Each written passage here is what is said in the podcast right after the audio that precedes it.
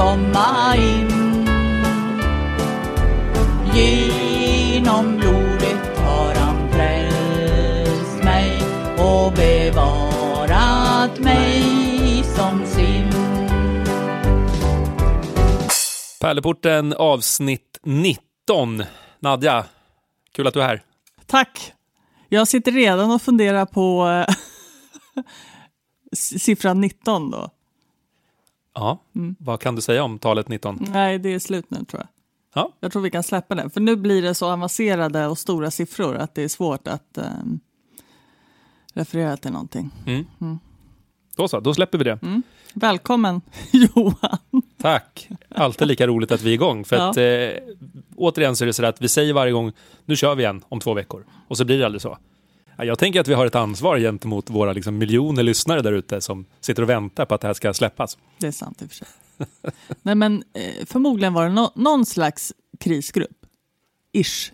Förstår du? Just det. Ja. Men ni är lite som eh, Tegnell och Folkhälsomyndigheten. Ni ses inte varje dag numera utan ni ses en gång var tredje fullmåne. Ja, exakt. Ja, men varannan vecka tror jag vi har sagt. Om det inte händer något eh, krisigt. Men händer det något krisigt nu för tiden? Nej, det gör det ju inte. Det är ju det här om de släpper på 50-gränsen. Vilket de fortfarande inte har gjort. Då. Nej, men de pratar ju om det. Just det. Så att när ni hör det här, då kanske det är släppt. Mm, det vet vi inte. För idag är det måndag när vi spelar in. Ja. Om jag får fortsätta på det spåret så har jag en liten så här vardagsbetraktelse. Du vet, jag, jag anser mig vara lite mästaren av vardagsbetraktelser. Eh, självutnämnd då, såklart.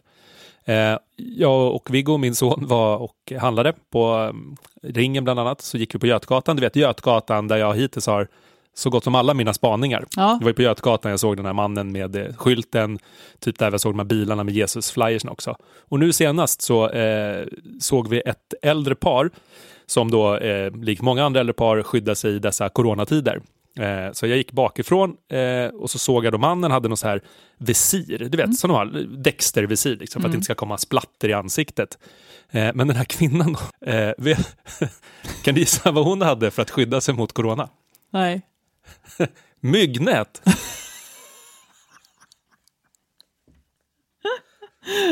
Myggnät. Det tyckte hon var liksom säkert. Alltså, jag trodde först inte att det var sant.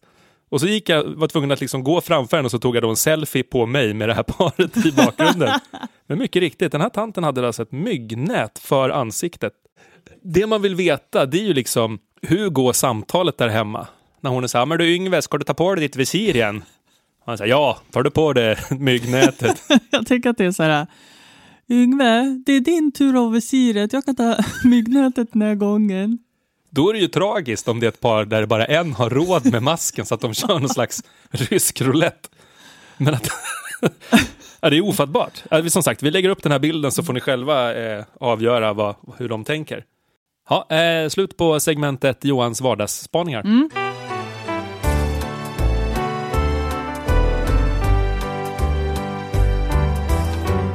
Jag tänkte att vi skulle börja med någonting väldigt spännande. Veckans utträde.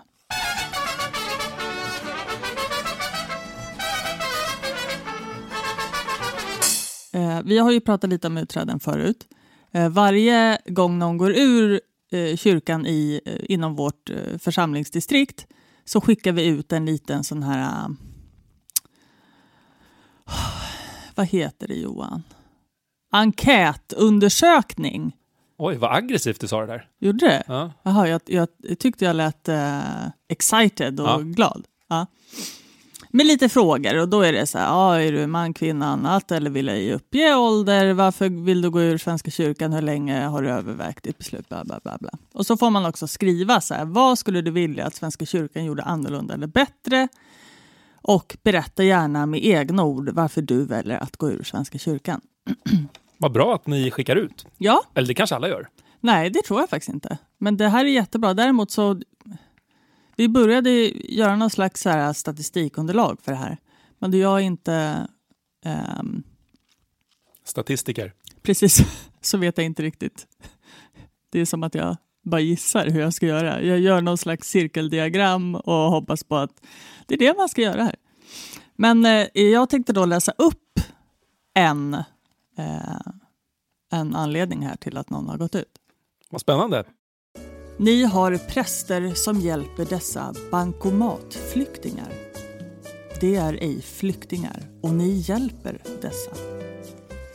Kyrkor brinner världen över varenda dag och ni gör ingenting åt det. Ta avstånd för islam och gör det öppet i sociala medier innan det är för sent!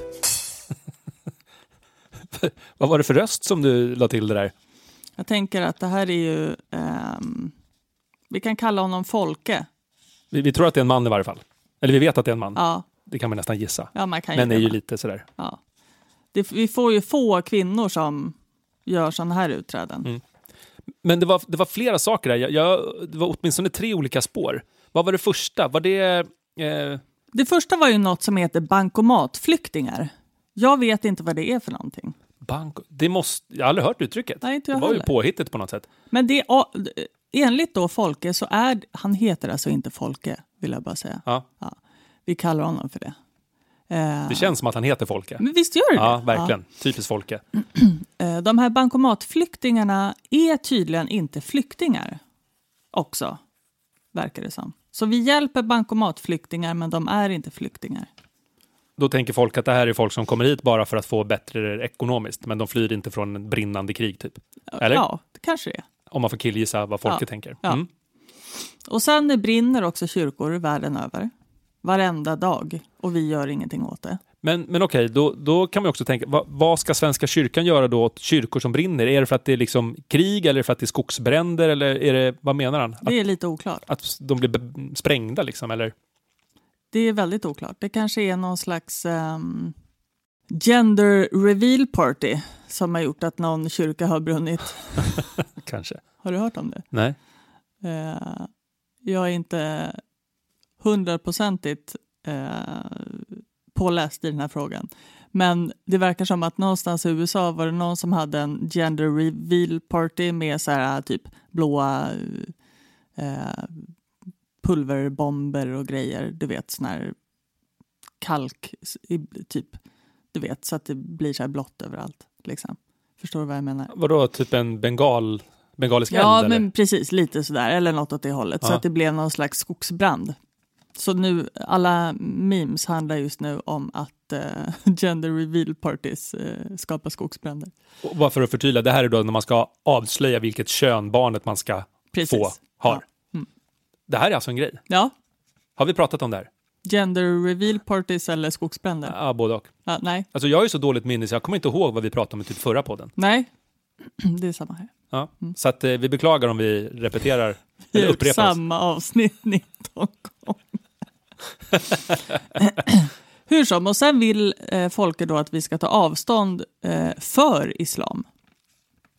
Skrev han för? Ja, avstånd för islam.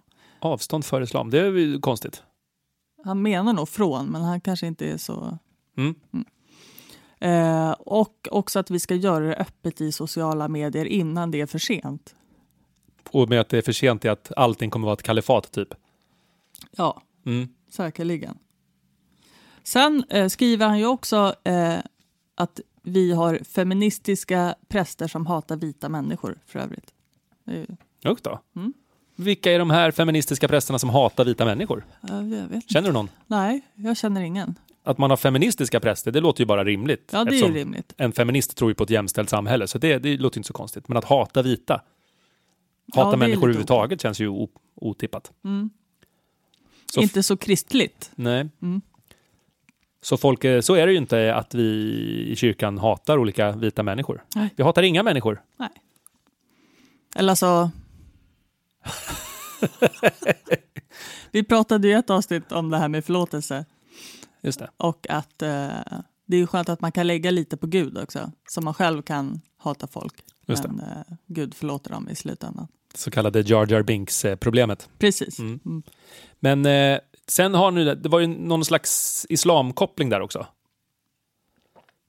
Ja, Och det, och det känns ju på något sätt härligt, att, eh, eftersom vi är ju en av de tre liksom, lite större världsreligionerna, Mm. så tror vi på samma gud som islam och judendomen, så att eh, det får man ju på något sätt bara acceptera. ja. Att det är samma gud och att det finns fler saker som liksom eh, ligger nära kristendomen, judendomen och islam än tvärtom. Mm. Så att det kan man också försöka tänka ur det perspektivet.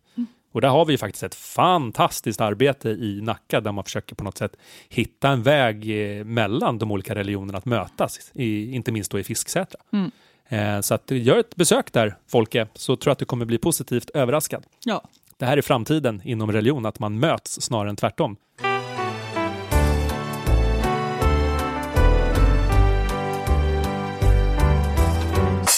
Jag lyssnade på Fredrik Strages podd häromdagen. Har du lyssnat på den någon gång? Vad heter den? Hemma hos Strage. Nej. Han intervjuar olika kända musiker Mm. från både här och där. Och det här avsnittet så intervjuade han Eva Dahlgren. Känd från, ja men typ sen alltid. Mm. Hon har ju varit artist sen typ slutet på 70-talet känns det som. Eller jag tror det. Hur som helst, eh, bara en, eh, en liten passus här. Jag kommer ihåg att eh, för kanske någon gång mellan fem och tio år sedan så bjöd min mamma med mig och min brorsa på en så här julkonsert i Globen. Mamma har ju varit med i så här eh, Coops eh, medlems någonting, någonting. Hon är så här riktig föreningsmänniska, har varit med i allt. Och då bjöd Coop alla sina liksom, medlemmar på en julkonsert. Så hon var så här, åh det vore så kul om du och Henrik, alltså min bror, vill följa med. Och hon bara, ja det är typ Orup, det är Darin och vi typ så här, ja men som de musikfascister vi är, bara, va, okej, men vi gör det för mammas skull. Jag lyckades typ smuggla med mig en fickplunta för att liksom vi skulle få någon slags behållning av det här. Och det var ju helt menlöst. Alltså konserten var ju så tråkig. Vi satt mest och liksom skojade och gjorde narr och vi tyckte vi var lite sådär för mer, sådär, som de som sagt musikfascister är. Mm. Tills dess att faktiskt Eva Dahlgren klev upp på scen och var så jäkla bra. Alltså på riktigt, hon bara ägde scenen. Det var helt otroligt. Eh, har du koll på hennes musik? Alltså eh, 90-talet. Jag klarar mig naken. Ja men typ. Och, Ja. vem, Ängel i tände, mitt rum. och Vem tände stjärnorna? Ja. Alltså hon verkligen ägde skiten ur alla andra artister och gjorde det så bra. Ja, det var bara min... Eh, Men det kan jag tänka mig. Hon är ju jävligt cool. ja, men, och så, så lång och stor liksom. Mm. Hon, hon verkligen ägde scenen. Jag var svårt imponerad. Pondus. Ja, verkligen. Mm. Hur, som helst, bo- bortsett från den här Mm. anekdoten. Då blev hon i varje fall intervjuad om hennes liksom, artistliv och hela den biten. Och någonstans i mitt det här så eh, berättade hon, eh, eller Fredrik ställer frågan om hon har en eh, typ en gudstro. För att hon sjunger väl någon har ingen ödestro och då pratar de om gudstro, hur det nu var. Och då berättade Eva Dahlgren att hon är uppvuxen med någon form av gudstro. Men sen fick hon i uppdrag av kyrkan att hon skulle skriva ett nytt rekviem. Eller vet folk vad det är? Nej, ingen har någon aning överhuvudtaget. För att jag hade inte det innan jag började här. Det är från början en typ en katolsk eh, mässa som handlar om döden och själarna och liksom. Och sen har det skrivits jättemycket musik kring den här mässan som har inspirerats av den. Bland annat har Mozart skrivit en mässa, Verdi har skrivit en mässa, alltså massa musik, klassisk musik då kopplat till det här. Och det här brukar kyrkan då sätta upp någon gång per år. Eh, och så kan man gå och lyssna på den här musiken. Och då hade hon i varje fall fått i uppdrag att skriva eh, ny text till någon modern tolkning av det här. Det, det var inte exakta detaljer kring det här i varje fall. Men då hade hon varit på ett möte med kyrkan och så hade då kyrkans representant, som hon förklarar inte var en präst, också i förbifarten sen sagt så här, förresten, tror du på Gud? Och hon bara, eh, jag vet faktiskt inte. Och då hade den här kyrkrepresentanten, ja men kan du ta reda på det så ses vi igen om tre veckor. och då så skulle hon då ha som uppgift att liksom utreda huruvida hon trodde på Gud eller inte. Och då frågade Fredrik Strage, men hur, vad liksom gjorde du? Tog du promenader? Hon bara, ja, jag var ute i naturen och liksom diskuterade mycket med mig själv och så vidare. Eh, och sen efter tre veckor så hade hon då kommit fram till det, nej men det finns ingen Gud. Det var liksom hennes eh, konklusion så att säga. Och så hade hon möte med den här eh, personen igen då, representant från Svenska kyrkan. Lite oklart vem det var, men hur som helst. Och då hade han bara, ja men du får sparken. Nej. Jo, så hon fick då inte skriva den här texten. För hon sa det, jag tror att jag skulle kunna gjort det skitbra, liksom Ja. hjälpt till att tolka mm, synen på döden och så vidare. Men då var det så viktigt då för från oss då i Svenska kyrkan att man ändå eh, trodde på Gud. Nu framgick det i och för sig inte om det var Svenska kyrkan, de bara pratade om kyrkan, men jag kan bara anta att det var Svenska kyrkan. Men hon i varje fall då fick inte det jobbet, för att det var så viktigt att hon då trodde på Gud för att skriva den här musiken. Eller texten. Är inte det ganska fascinerande? Jo, verkligen. Eh, och då började jag fundera på hur, eh, hur gör man liksom det här när man tar reda på om man tror? Vanligtvis är det här en process som, som sker kanske under hela livet. Att man får med sig det från liksom, modersmjölken, att man har en gudstro för att det är så man är fostrad. Liksom. Eh, att det, det, är helt naturligt, som i många länder, inte minst då, som vi brukar prata om i Sydamerika, där det är så himla naturligt att Gud finns. Man pratar om Jesus dagligdags. Eh, men att just det här få, nu måste du reda ut det här och du har tre veckor på det. Och, och, och, och, samtidigt så tänkte jag, det är precis det vi gör med våra konfirmander. Det är typ exakt det här. Eh, nu är inte poängen med att bli konfirmand liksom huruvida man tror på Gud eller inte, men det är ju ändå ett tillfälle där man under en viss begränsad tid får möjligheten att åtminstone utforska sin tro. Eh, och jag tänker, gud, gud vad svårt det måste vara. Verkligen. Eh, kommer du själv ihåg när du var konfirmand? Ja, alltså jag var ju konfirmand när jag var 24, så jag har ju inte haft den här klassiska konfirmationsutbildningen. Just det. Eller ja, utbildning är det inte, men det är åtminstone ett tillfälle. Ja, blir det inte, när man är vuxen är det väl lite mer utav en utbildning ändå, är det inte det? Utbildning är väl något, vi har ju någonting som heter sådär vuxenvägen eller det svåra ordet katekumenat mm. där man får möjligheten att träffa andra vuxna och reflektera om tron. Och då kanske det är lite mer att man bygger på bibeltexter, man får själv göra analyser kanske på ett lite mer djupgående sätt. Men, men kontentan är ju ändå att man ska hitta sin gudsrelation då, kanske.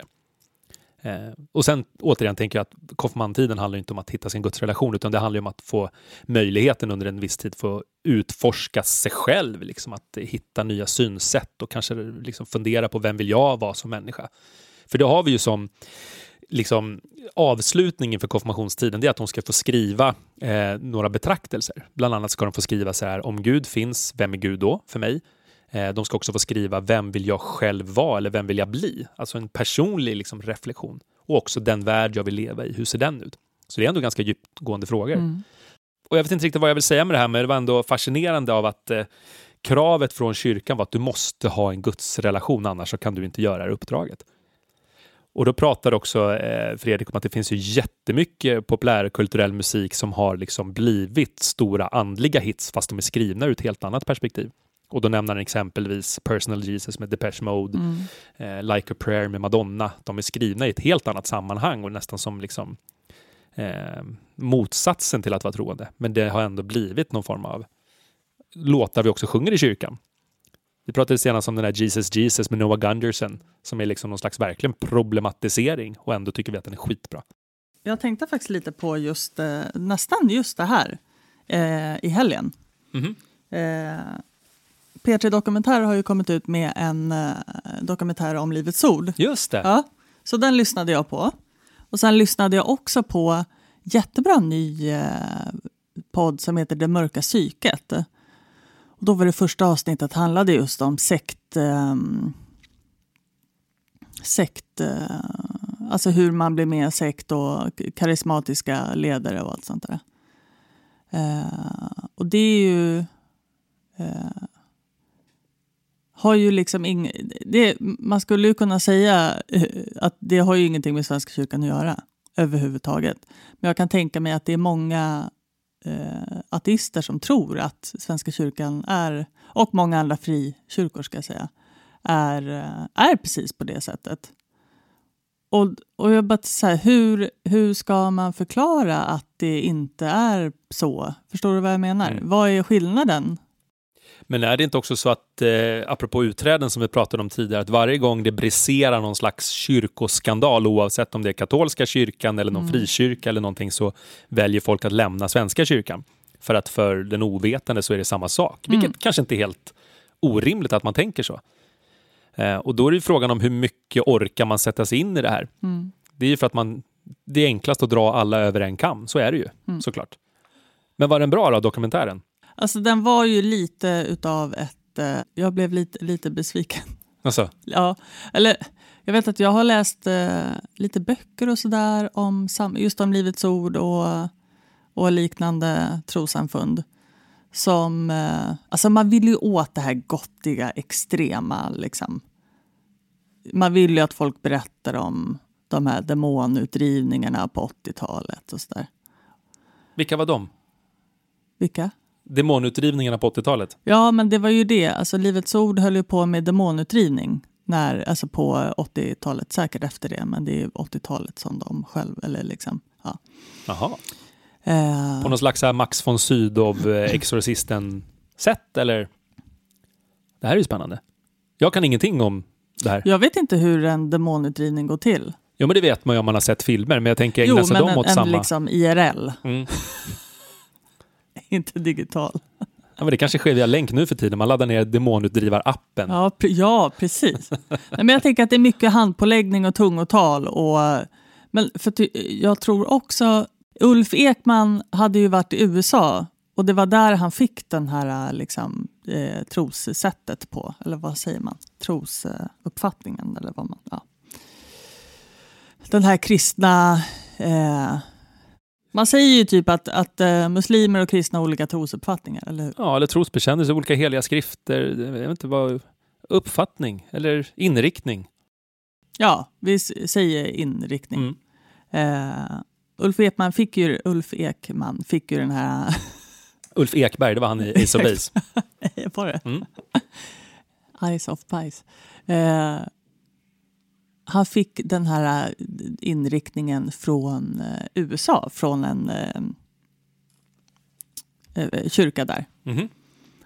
Eh, och de var ju så där extrema att de höll på att slå barn för att de var tvungna att eh, driva ut demoner och sådär. Det är ju obehagligt. Ja, precis. Och det var väl lite det som jag tror pågick i, eh, under 80-talet och i, i Livets Ord också.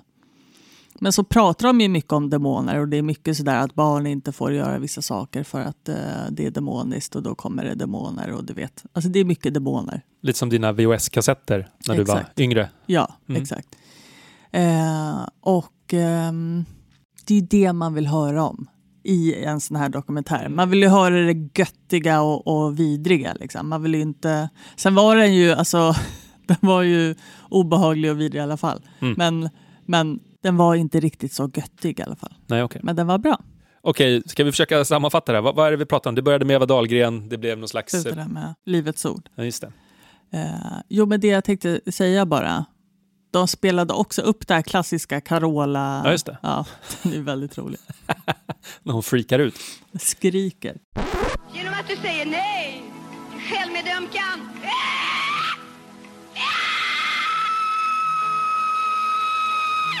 Det är lite som hon, eh, Donald Trump hade ju en av sina rådgivare, de här som man byter ut varannan vecka, som också var någon slags Livets Ord-tant, Mhm. som stod och skrek eh, sådär, och talade i tungor. Och det lät precis som det han Torkels grej i eh, Kops. Ja. När han går runt i skogen och skjuter på träd. Så att antingen så talade Torkel i tungor i filmen Kops eller hon då, hans före detta rådgivare, där och då. Det- Det var en eh, betraktelse. Ja. Mm. Tack för det. Tack.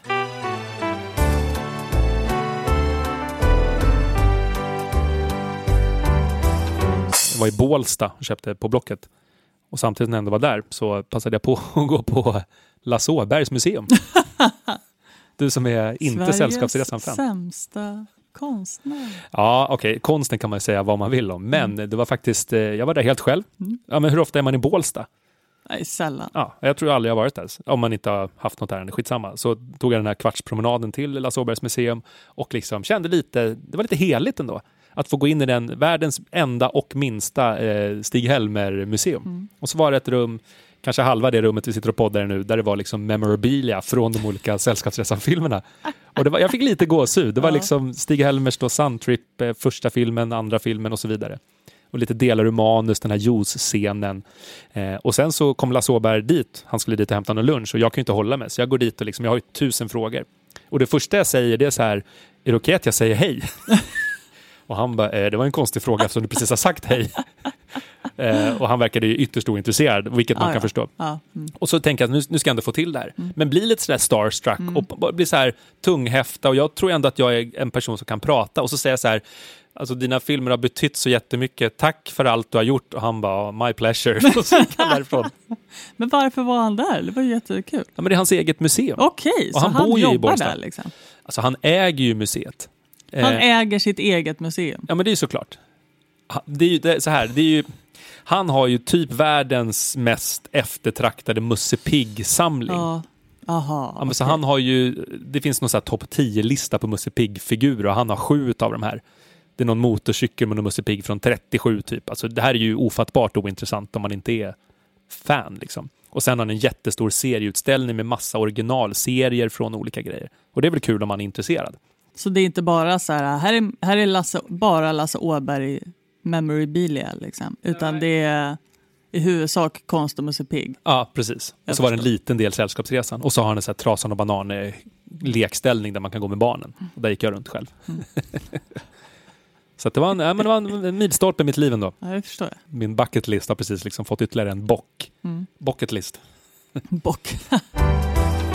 nu har vi precis suttit och pratat demoner och Livets Ord och nu kommer jag med det här. Men, eh, jag hittade ju Kanye West eh, superkristna skiva från 2019 för några veckor sedan och har lyssnat på den så himla himla mycket. Den är superbra. Eh, och så tänkte jag att jag skulle prata om den då eh, idag. Och så satte jag mig i morse framför datorn och eh, lyssnade på favoritlåten och så här, ni vet, läste texten, sjöng med och bara fick så himla så ont i käken och halsen så jag var tvungen att liksom sluta sjunga efter halva låten. Och då bara kände jag så här, "Nej, nej, det är Gud som vill att jag inte ska prata om Kanye West i podden. Eh, så jag eh, blev så här supervidskeplig.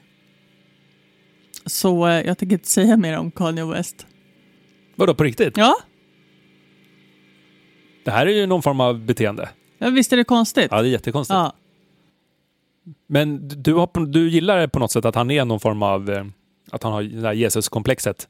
Otroligt att han är Gud själv. Ja, men då måste jag bara... Eh, jag tar inte honom i försvar på något sätt då han eh, gillar Trump och vill bli president, eller ville det ganska nyligen, vilket var väldigt märkligt. Men vi brukar ju säga så här att vi alla är ju Gud och vi är ett, liksom. Vi är ett med Gud. Så någonstans förstår jag det uttalandet. Sen kanske han menar på ett helt annat sätt, det vet ju inte jag. Jo, men det är väl skillnad på att säga att inför Gud, eller vi är alla en del av Gud, eller att säga att jag är typ Gud. Det är en viss skillnad. Ah, är det det verkligen? Det, jo, det är skillnad. Om jag säger så här, jag är typ Gud. Ja. Och jag, du är ju också typ Gud. Förstår du? Vi alla är ju typ Gud. Ja, men när du formulerar på det sättet, då funkar det ju. Men det är ju inte så han uttrycker det. Han tror ju på riktigt att han är liksom en av, om inte Gud själv, Guds utsända. Det är så jag har förstått det. Okej. Att han liksom lite ska predika ordet, att han åtminstone är en profet. Eller har jag fel? Jag har inte lyssnat på skivan. Nej men eh, jag vet inte heller. Jag, jag har bara lyssnat på skivan. Jag vet ingenting om Kanye West. Jag försökte googla lite och kolla på Youtube och sådär. Jag fick liksom inte, jag fick helt ärligt inte någon bra uppfattning om honom. Man vet ju att han är galen liksom. Men man vet ju, jag har ingen aning om på vilket sätt. Men han har väl något, någon form av storhetsvansinne. Ja, Jag absolut. killgissar ju här. Ja, ja, ja, men det gör jag också. Mm. Och, men, och det är väl lite så här, vissa tror ju att han är jättesmart och andra tror att han är galen. Det är lite så här äh, 50-50. Men de går väl ofta hand i hand. Många smarta har ju också varit galna, har ju historien bevisat. Ja, okej, okej, jag förstår. Ja. Mm. George Lucas, smart men också galen. Mhm. Jag visste inte att han var smart och galen. Ja, men det känns som att man måste vara smart för att komma på Star Wars, men också galen för att skapa Jar Jar. Ja, du tänker så ja. Mm. ja, ja, ja.